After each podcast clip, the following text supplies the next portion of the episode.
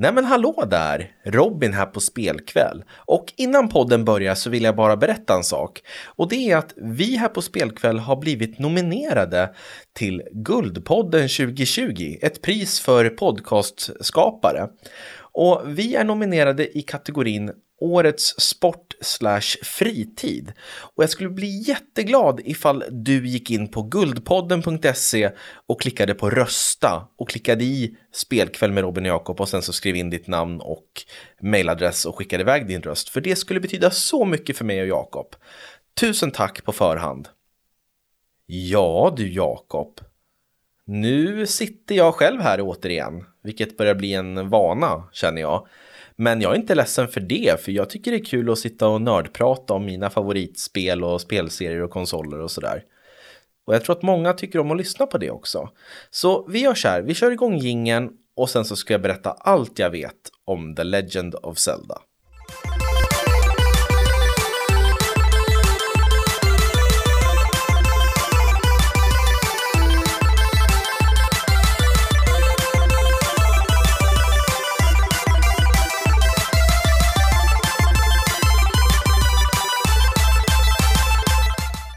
Sådär, varmt välkomna ska ni vara till spelkväll med Robin och Jakob. Eller ja, bara med Robin idag återigen.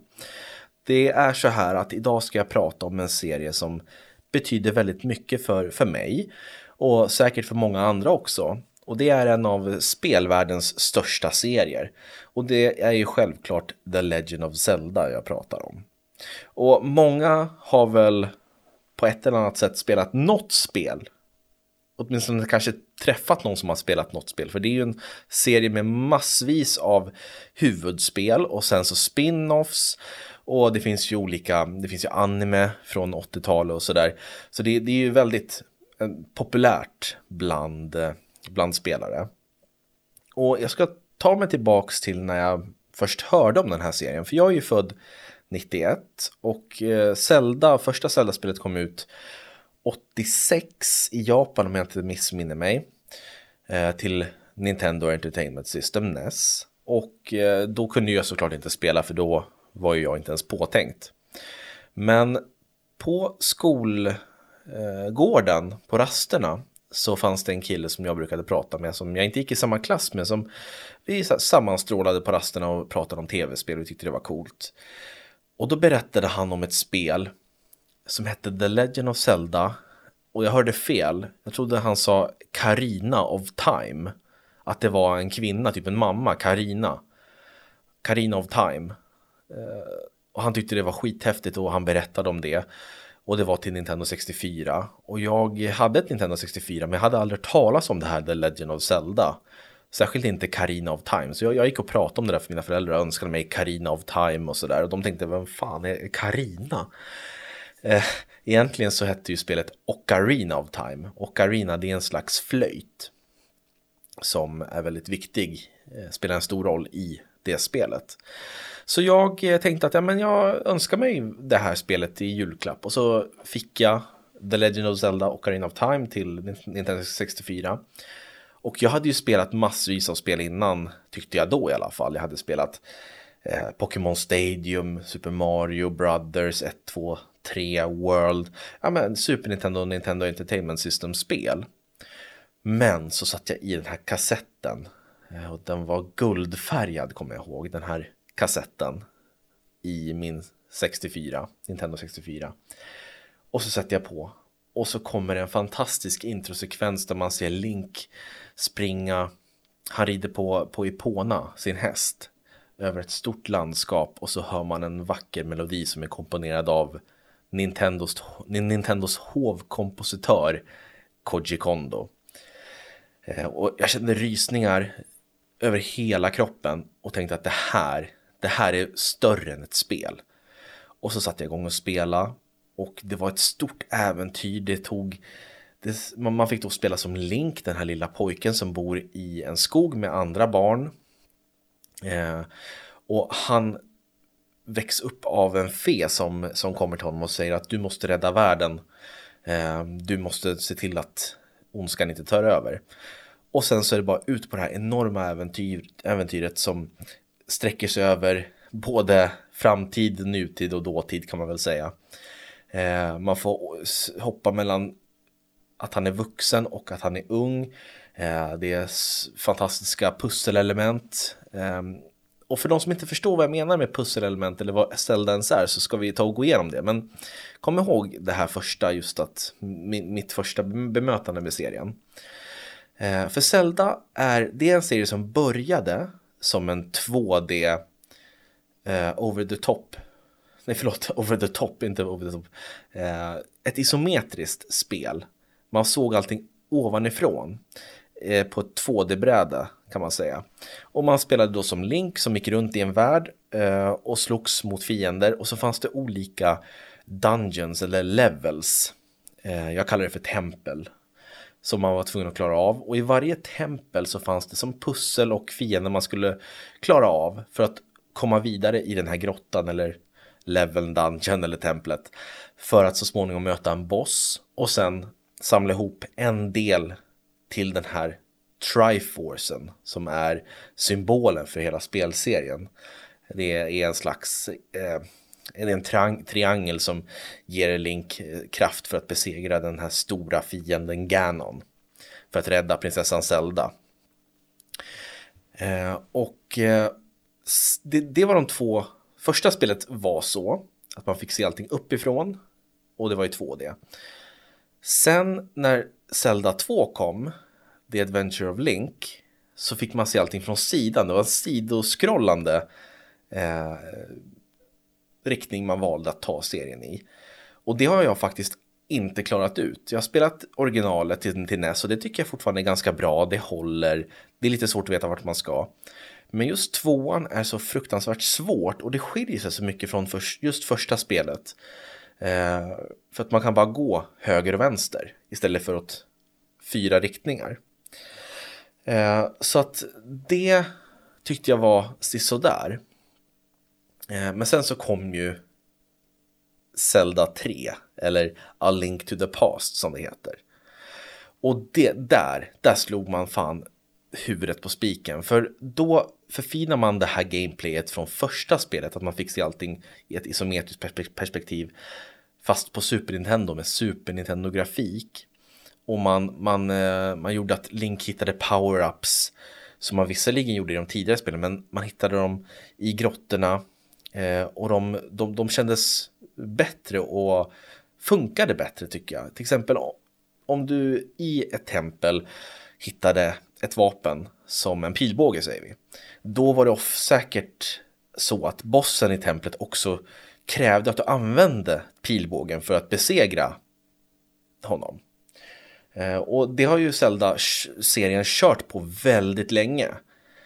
Eh, och det tycker jag alltid är så kul att försöka komma på hur ska jag besegra bossen istället för att bara gå fram och slå med svärdet som Link alltid har med sig. Så får, måste man tänka, hmm, det är säkert någonting med det här vapnet eller redskapet som jag har hittat i grottan som kan hjälpa mig. Eh, och tillsammans med den här fantasy viben som hela serien är känd för också, att det är mycket, det är älvor, det är magi, det är trollkarlar.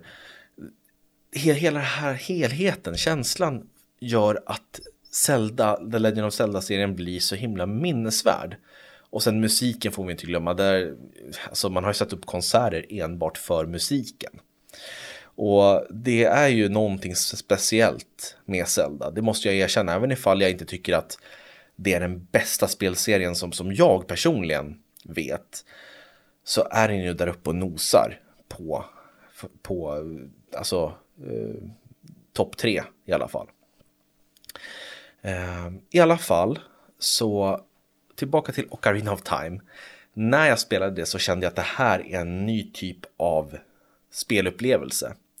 För som vi hörde så var ettan och tvåan, trean Zelda, de var ju i 2D. Men det här var första steget in i 3D. Och det var ju många spel som hade svårt att komma in i 3D. Eh, inte Mario dock, Mario 64 är ju fantastiskt, men typ Sonic hade svårt. Det var många andra serier som inte riktigt vågade gå in i 3D än. Till exempel Metroid som hoppade helt över 64. Eh, men Zelda gjorde det så fint så man, man fick en tredje personskamera på Link så man såg liksom allt bakifrån över hans axel.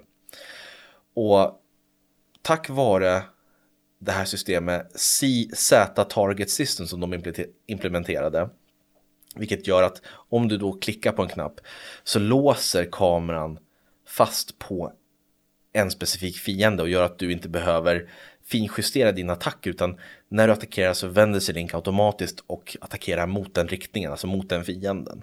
Och det här är ju en självklarhet idag. Ofta så kan du bara klicka på en knapp så blir det ju en specifik fiende som, som blir vald. Men det här var ju helt nytt när Zelda och Arena of Time kom. Eh, och det var mycket sådana här små saker som, som idag vi tar för givet men som Zelda var först med och Arena of Time. Eh, och när jag klarade ut det här spelet efter säkert många år för att jag, jag var inte så smart, jag hade ingen guide, jag hade ingen internet eh, och det är ganska många svåra pussel i det här spelet. Så när jag väl klarade ut det så kände jag bara att det här, det här är det bästa jag spelat, det här är det bästa spelet någonsin. Alla kategorier. Eh, och det tycker jag kanske inte fortfarande, ifall man spelar 64-versionen idag så är det mycket som har inte åldrats väl, kanske grafiken och bilduppdatering kanske inte är den bästa.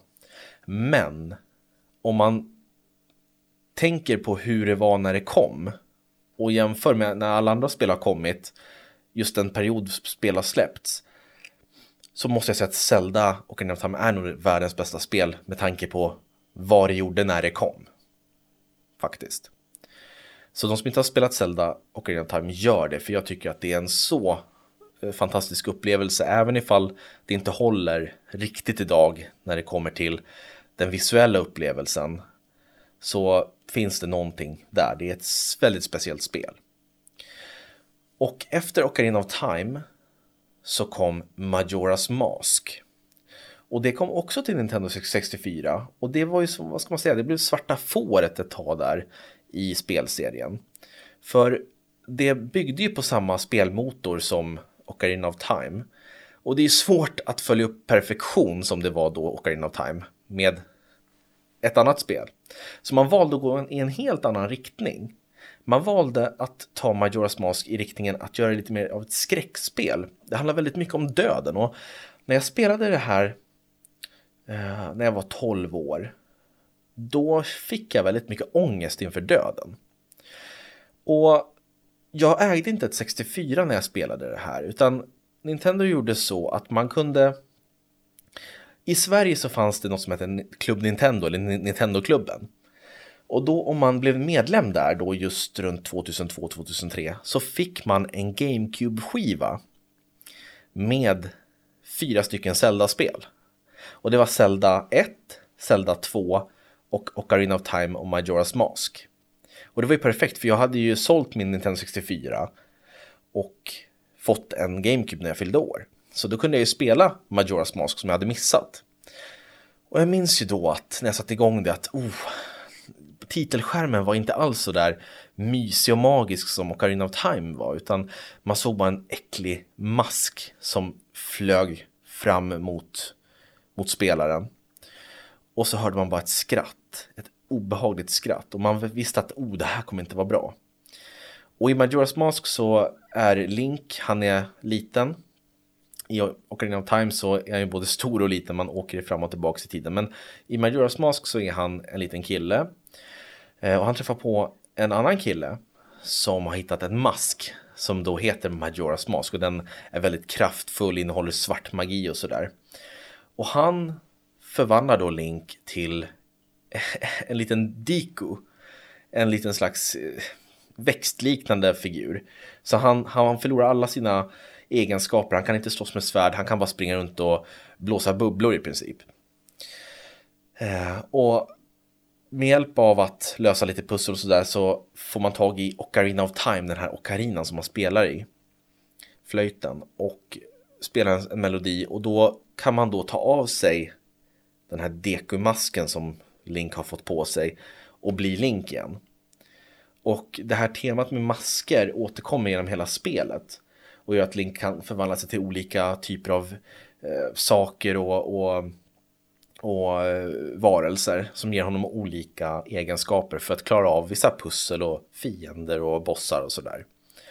Men det som var riktigt jävla jobbigt det var att storyn är så att eh, månen håller på att falla ner och man har tre dagar på sig att stoppa månen.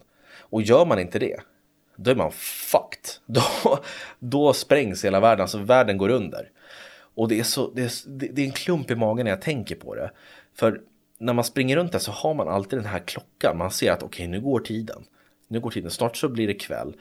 Och så är det, det påminner, du blir hela tiden påmind om att oj, snart tar det slut, snart tar det slut. Och musiken ändrar sig.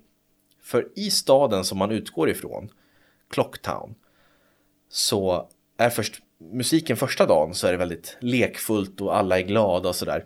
Men ju längre tiden går desto värre blir det. Man hör att musiken börjar få influenser av, av ondska och man känner att det är domedag på gång. Och när man tittar upp i himlen så ser man en riktigt förbannad måne med ansikte och allting som kommer närmare och närmare. Så det Link måste göra, han måste väcka fyra giganter kan man säga som, som ska stoppa månen. Men såklart så hinner man inte göra det här på tre dagar.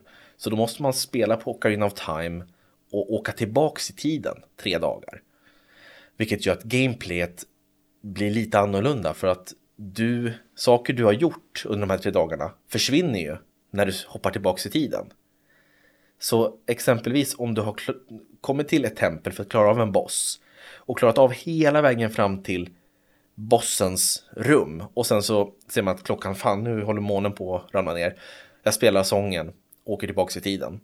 Då kan det vara så att du måste spela om hela templet för att du klarade inte av bossen. Men så fort du klarat av en boss, då är liksom det sparat oavsett ifall du hoppar tillbaka eller inte.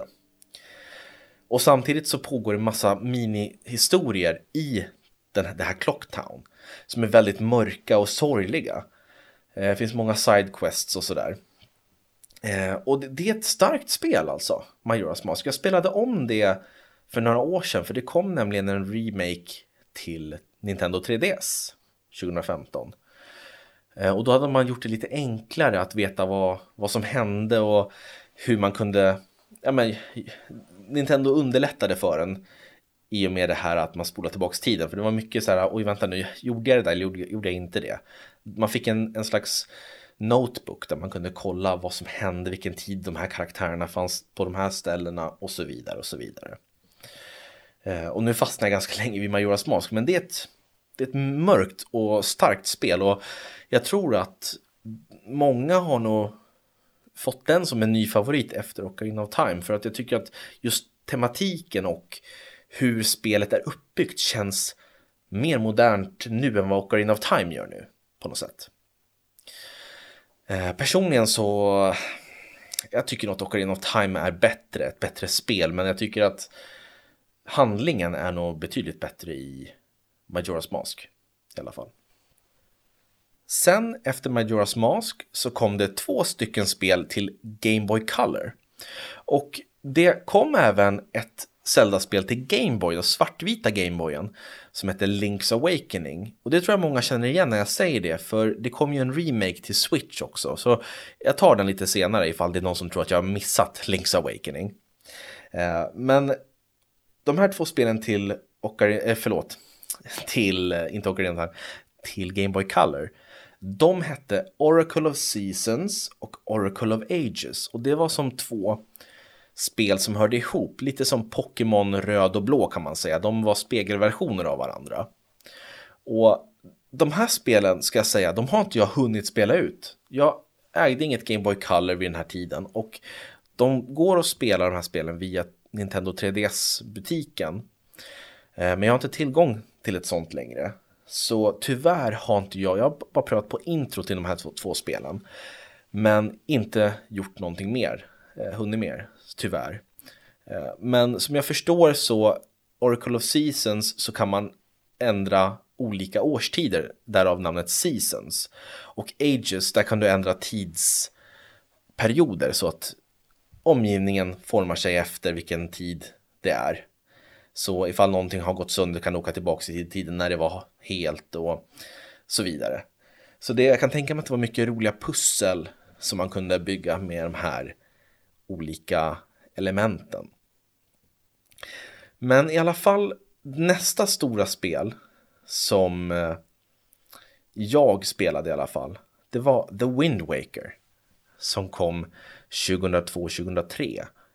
Och det var ju många som hatade det när det kom, kommer jag ihåg. För Majora's Mask, det var ett mörkt, realistiskt Zelda. Om man kan säga så. Det är väldigt fantasy, men det var ganska jordnära karaktärer. Man kände att oh, de här har personlighet som påminner om människor man kanske känner. Men i Wind Waker, där skrotade vi det här stora öppna fältet man sprang på. Nu var det stora hav som man skulle åka båt på, segla på. Och man bytte grafikstil till tecknad cell shading. Som är vad det låter, det ser, det ser väldigt tecknat ut, det ser ut som en tecknad film. Eh, och ganska lättsamt. Och det förstår jag att man gick den här riktningen. För Majora's Mask var ju som sagt väldigt mörkt. Och Wind Waker, det var glatt, det var soligt, det var möjligheter kan man säga. Och där får vi också lära känna Link som bor på en ö och så blir hans syster kidnappad av en ful stor fågel. Och så börjar hans äventyr och man tar sig ut på stora haven och träffar på en båt som kan prata. Och lär sig segla och så får man åka runt och leta efter skatter och sådär. Och det var också ett bra spel tycker jag. Det kanske inte tillhör mina favoriter men det innehåller ett fantastiskt soundtrack. Roliga bossar, tempel. Det enda som jag tyckte var riktigt, riktigt dåligt med det, det var någonting som Eh, pågick i slutet av spelet. Man skulle, för att kunna ta sig till sista bossen så var man tvungen att leta upp de här Triforce-bitarna, bitarna till den här legendariska triangeln. Och man var tvungen att hitta skattkartor och sen åka ut och leta. Sänka ner en slags griparm i havet och plocka upp skattkistor för att få tag på de här triangelbitarna. Och jag minns att det var så svårt och ologiskt att få tag på de här först kartorna och sen så hitta också precis rätt ställe så att man faktiskt fick upp kartbitarna. Nej, eh, förlåt, triangelbitarna. Eh, men utöver det så var det ett bra spel. Mycket bra till och med. Som tur var så när man släppte det här till Wii U sen i HD så gjorde man det lite enklare att hitta de här triangelbitarna. Men jag minns fortfarande GameCube-versionen när jag satt där och var helt frustrerad som 12-åring och bara vad fan, vad, hur, var är nästa bit? Sen efter Wind Waker kom Four Swords Adventure som är ett spel som påminner om Zelda 3, A Link to the Past, fast med grafikstilen från Wind Waker kan man säga. Eh, man ser allting ovanifrån och sen så kan du spela tillsammans med tre kompisar på GameCube. Men problemet var att du var tvungen att ha en egen Game Boy Advance som du kopplade till GameCuben som en handkontroll. Så när du gick in med din karaktär i en grotta på stora skärmen tillsammans med de andra kompisarna så såg du sen nere på din Gameboys skärm vad som hände i grottan. Och det var ett coolt koncept men det kostade ju multum att kunna spela fyra personer. För då var det tvungen att en var tvungen att ha en GameCube med Four swords spelet, Sen så var du tvungen att ha fyra stycken Gameboy Link-kablar från Gameboy till GameCube. Sen så skulle alla ha ett varsitt Gameboy Advance. Så det där skulle säkert kosta 7-8 tusen. Så jag hade ju aldrig några kompisar som, som ägde något Gameboy Advance. Så jag fick ju köpa eh, själv och köra tillsammans med mig själv. Sen så tror jag att jag tvingade in Simon, han som brukar vara med och prata i månadens spel. Jag tror jag köpte ett Gameboy till honom också, om jag inte missminner mig. Så att han kunde spela med mig. Eh, det var allt som veckopengen gick till, eller månadspengarna. Eh, och det, jag tyckte det var okej. Okay. Det var ingenting som, som imponerade särskilt stort på mig. Det var mm, typ multiplayer, Zelda multiplayer. Och det, mm, jag är inte så mycket för multiplayer som kanske många redan vet. Eh, men efter det så kom det ett Game Boy Advance-spel som hette The Minish Cap. Som gick tillbaks och förklarade hur hjälten Link fick sin gröna mössa. Och det var en talande mössa som han lärde känna som, som han, han eh, tog på sig och hade på huvudet och tillsammans med den så ja, genomgick de ett jättehäftigt äventyr och blev, de kunde förvandla sig till små, små, små minish-människor som det hette. Man kunde gå runt bland grässtråna, de såg ut som stora höga palmer. Eh, så det bytte lite perspektiv och gav lite roliga så här, kreativa nya intryck som eh, Nintendo, ganska, de är ganska bra på det här med det här kreativa, att förnya serier som är ganska gamla. Eh, kanske inte en favorit hos mig, men inget, inget dumt alls faktiskt. Men sen 2006, då jäklar, då smällde det till ordentligt. För den 8 december 2006 så släppte Nintendo sin coolaste konsol, tyckte jag då, Nintendo Wii. Och den här konsolen hade jag sett fram emot så länge. Den gick under arbetsnamnet Nintendo Revolution. Och jag tycker det är konstigt att de inte behöll Revolution för det var ett sånt sjukt coolt namn. Och jag var bland de första i hela Uppsala att förhandsboka den här. Det var så att vi hade en gamebutik som numera är eh, borta sedan många år. Vi hade en gamebutik i Uppsala och jag gick in där så fort jag hörde att Nintendo ens jobbade på nästa konsol och sa hej, jag vill förhandsboka Nintendo Revolution, som den då hette. Och då sa han, äh, ja, vad är det? Han liksom hade inte ens hört att den hade blivit utannonserad. Ja, men äh, Nintendos nya konsol. Okej, okay, sa killen i kassan och så tog han fram en pärm och så skrev han upp så här, vad, vad, vad hette den sa du? Nintendo Revolution. Ja, och så skrev han upp Revolution. Ja, Okej, okay, ditt namn och så skrev, skrev jag upp mitt namn och telefonnummer. Och sen så ja, det var väl i början av 2005 typ. Nej, inte i början. Juni 2005. När Nintendo visade upp Nintendo Revolution på E3. Eh, och sen året därpå, 2006, på 8 december, då släpptes Wii då, som de hade bytt namnet till. Och då släpptes också Zelda Twilight Princess, som är bland det bästa jag har spelat på release, faktiskt. Och jag kan fortfarande minnas när de utannonserade Zelda Twilight Princess innan det ens hette Twilight Princess. Och det här var innan ens Revolution var, på, var utannonserat utan det här var ju tänkt att bli en GameCube-titel bara.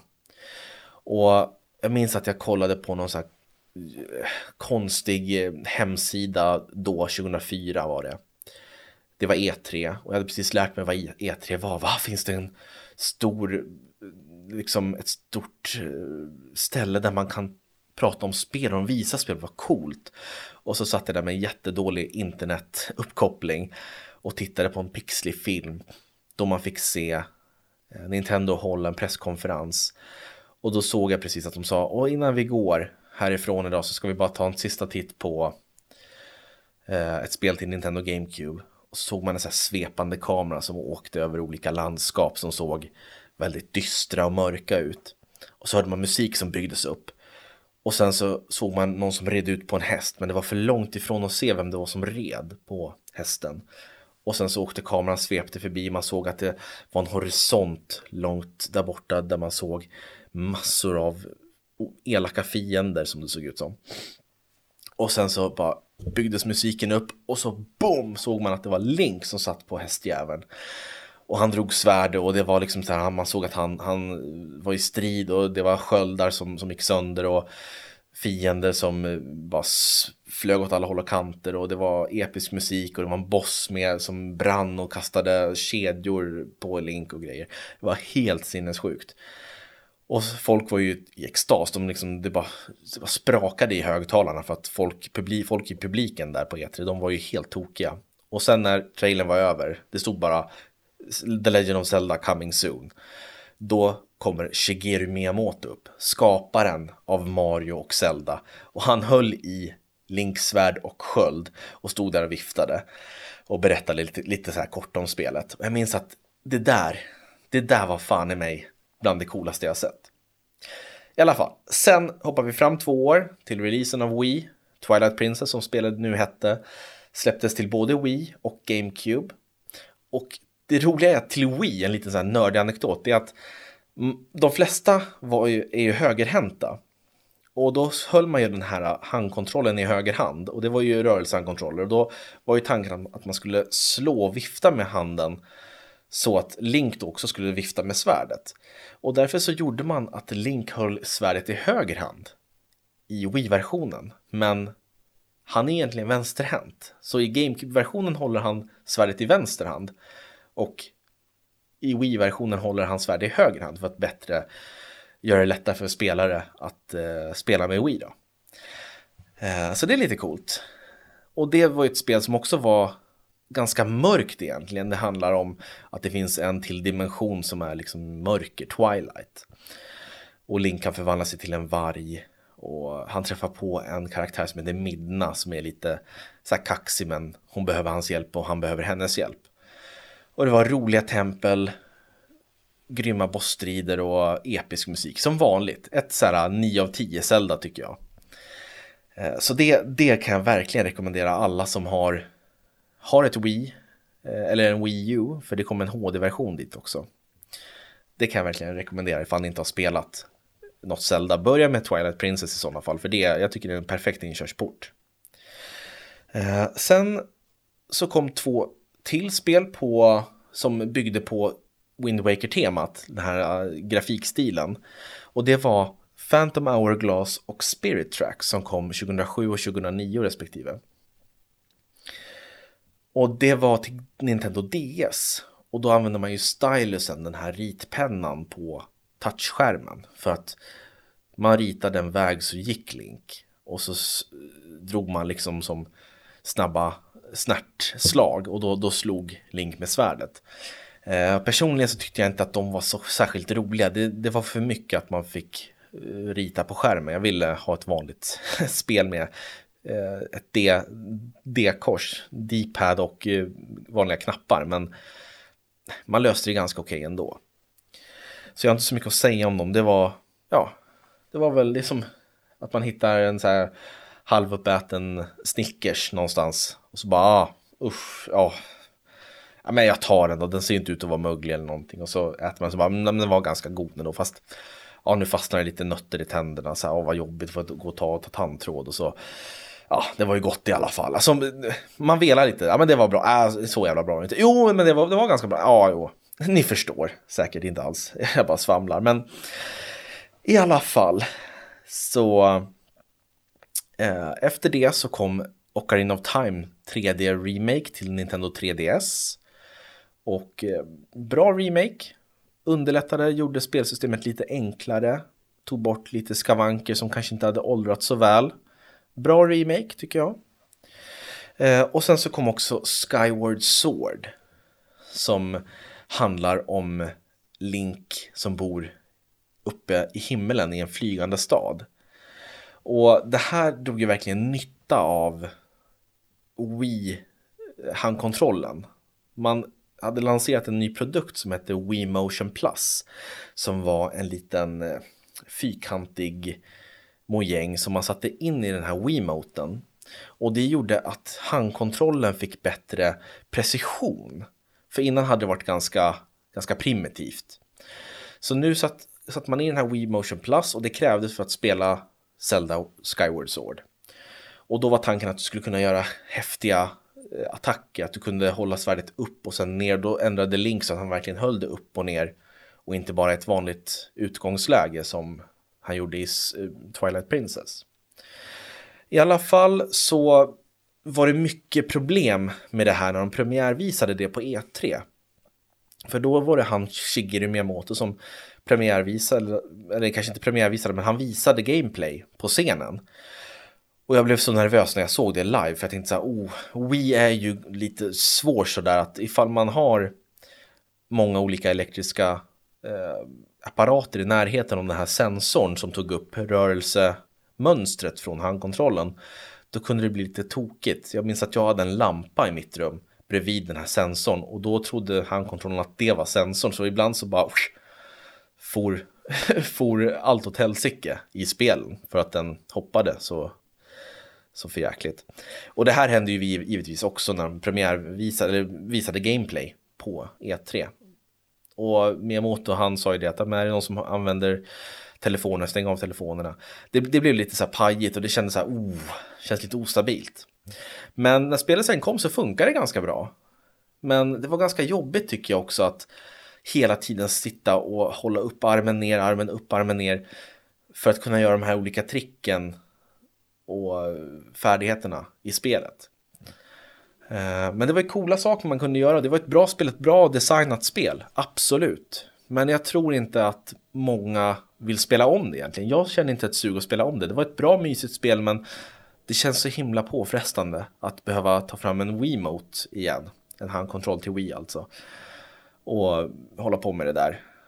Och jag vet inte hur man ska göra ifall man ska göra en HD-remaster till, till, till exempel Switch. För då måste du ju tvinga på det här det här med att du ska vifta med, med handen. För det var, det var så himla uppbyggt kring det. Så jag vet inte tusan, ja, ifall man kan implementera det på vanliga knappar på något sätt. Hoppas det, för det, det förtjänar ett bättre öde än vad det fick. Skyward Sword i alla fall. Eh, och sen efter det så fick vi rem eh, nej förlåt, inte remastern, remaken av Majora's Mask. Vi fick ett till 3D-spel som heter A Link Between Worlds som är som en spirituell uppföljare till det här gamla Super Nintendo-spelet A Link to the Past. Som då också var isometriskt perspektiv, man såg allting uppifrån. Eh, och det var en värld som påminde om den i Super Nintendo-spelet. Och man kunde då hoppa mellan olika världar, man kunde hoppa in, man kunde bli en platt målning på väggen och gå i väggen för att ta sig runt hinder och så vidare. Jättebra spel faktiskt. Det spelade jag bara en gång av någon anledning. Jag hade velat spela det fler gånger. Eh, men har ni en 3DS och inte har spelat det, köp A Link Between Worlds. Jättebra spel. Sen så kom Majora's Mask 3D-remaken, som jag nämnde tidigare. Också bra. Kanonbra. Och sen så kom det spel som jag inte ens har velat testa, inte ens velat köpa. Det heter Triforce Heroes och det var helt och hållet ägnat till multiplayer. Ett 3D-spel som var multiplayer i det här Wind Waker-grafikstuket. Och då var man tvungen att koppla upp sig mot kompisar online och så var man tre stycken link i olika färger som skulle hjälpas åt att lösa pussel. Men jag, jag orkade inte ens bry mig om det för det, det kändes så, så fel. Och sen, mina vänner, så kom Twilight Princess i HD till Wii U under 2016. Men sen 2017, nu börjar vi närma oss vad vi är nu. Och då släpptes ju Switchen, en av mina favoritkonsoler genom alla tider. Och på releasedagen den 3 mars 2017 så släpptes också det senaste Zelda, stora Zelda-spelet, Breath of the Wild. Och det finns mycket jag kan säga om det spelet. Det är ett jättebra spel. Men jag tycker att det är lite...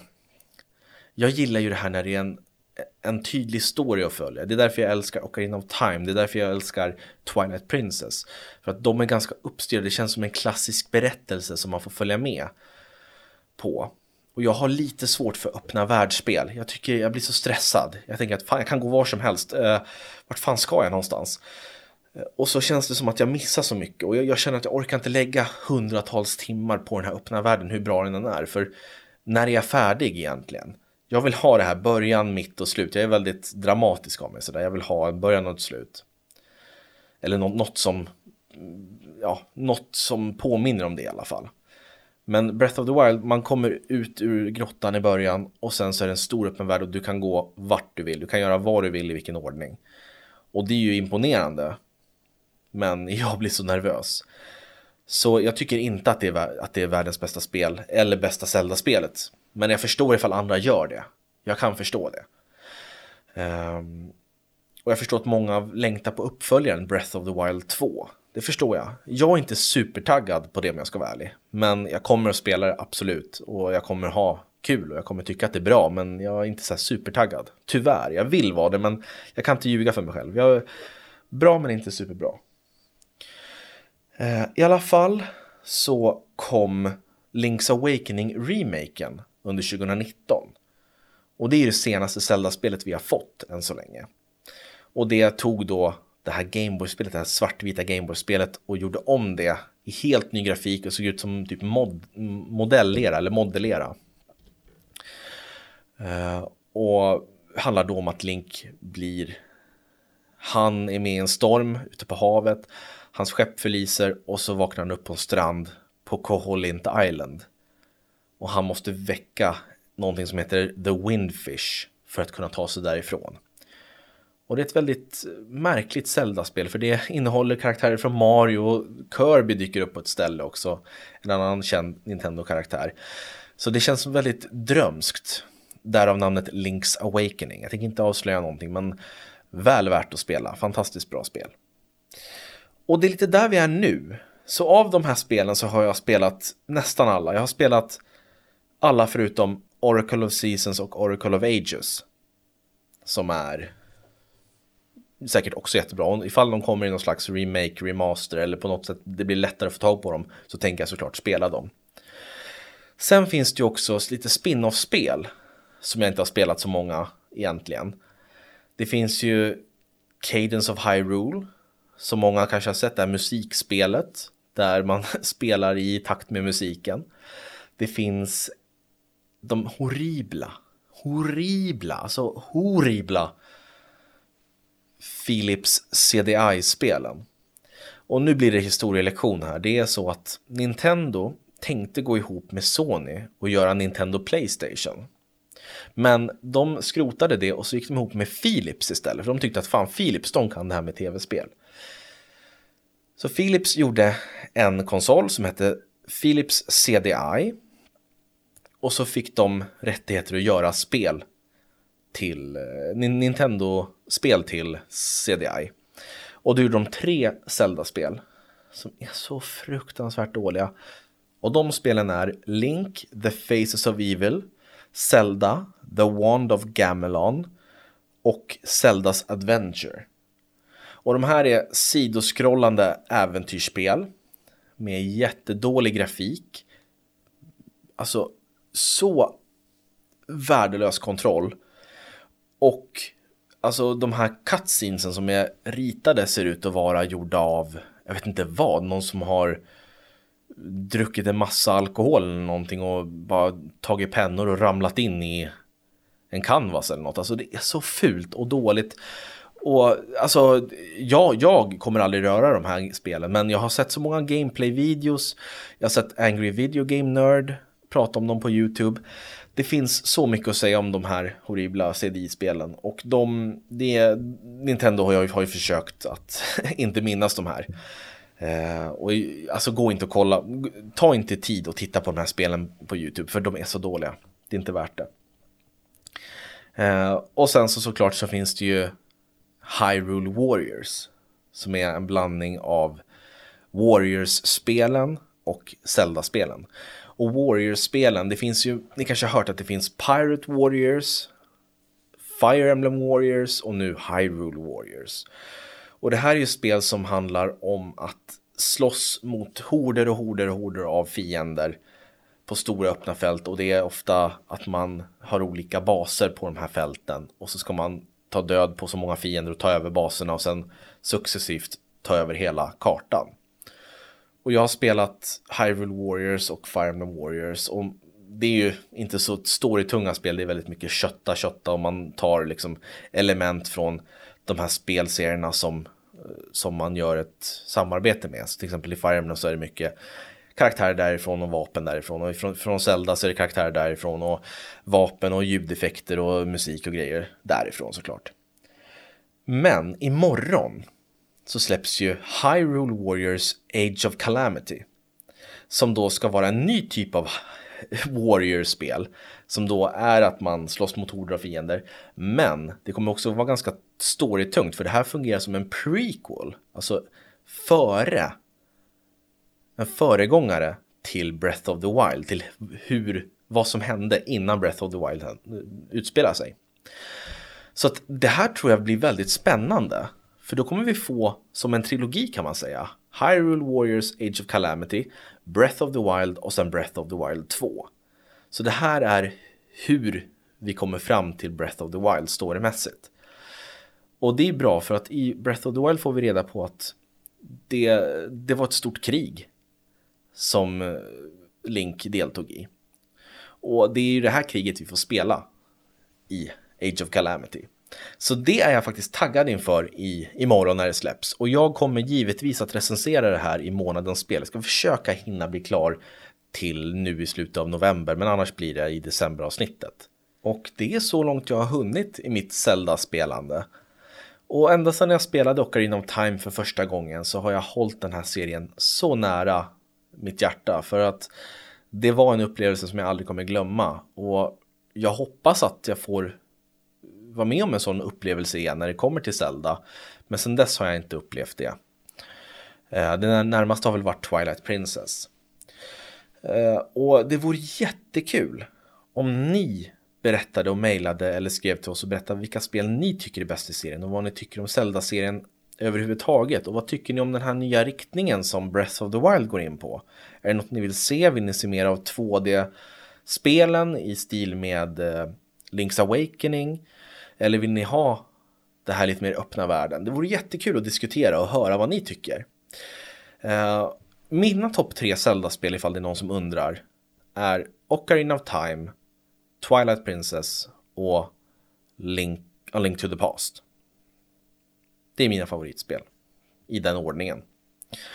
Så det, det är det jag hade att säga om spelserien. Sen så har jag försökt få in bland annat Jakob att spela det här, men han är ju väldigt svår att övertala för han tycker att de här pusslen i Zelda är för svåra. Jag förstår det. Det kan vara svårt att kännas ja, men svårt att komma över svårighetströskeln. Men det hade varit så kul ifall han bara kunde testa det. Och det hade varit roligt också ifall han tog sig an vattentemplet i Ocarina of Time till Nintendo 64 utan en guide. För det hade varit otroligt roligt att streama tror jag. Där jag bara ger honom handkontrollen och så bara kör. Undrar hur många timmar, dagar det skulle ta för honom att klara av det. ja, jag vet inte. Det, det kanske inte är så kul att se på. Eller ja, kanske. Ni får höra av er helt enkelt. Eh, tack så hemskt mycket för att ni har lyssnat på det här nördpratet, kanske nördsvamlet. Men det är det jag hade att dela med mig kring Zelda-serien i alla fall. Och jag hoppas att ni också spanar in Age of Calamity när det släpps imorgon om ni har en Switch. Eller något annat Zelda-spel ifall ni äger någon äldre konsol. Eh, så får vi helt enkelt höra snart. Och glöm inte att rösta på oss på guldpodden.se. Vi ligger under kategorin sport fritid. Tack så hemskt mycket och ha en fantastisk spelvecka så hörs vi snart igen. Nu är det så stelt igen för nu måste jag sitta och bara vara tyst tills jingeln är över. Tralalala.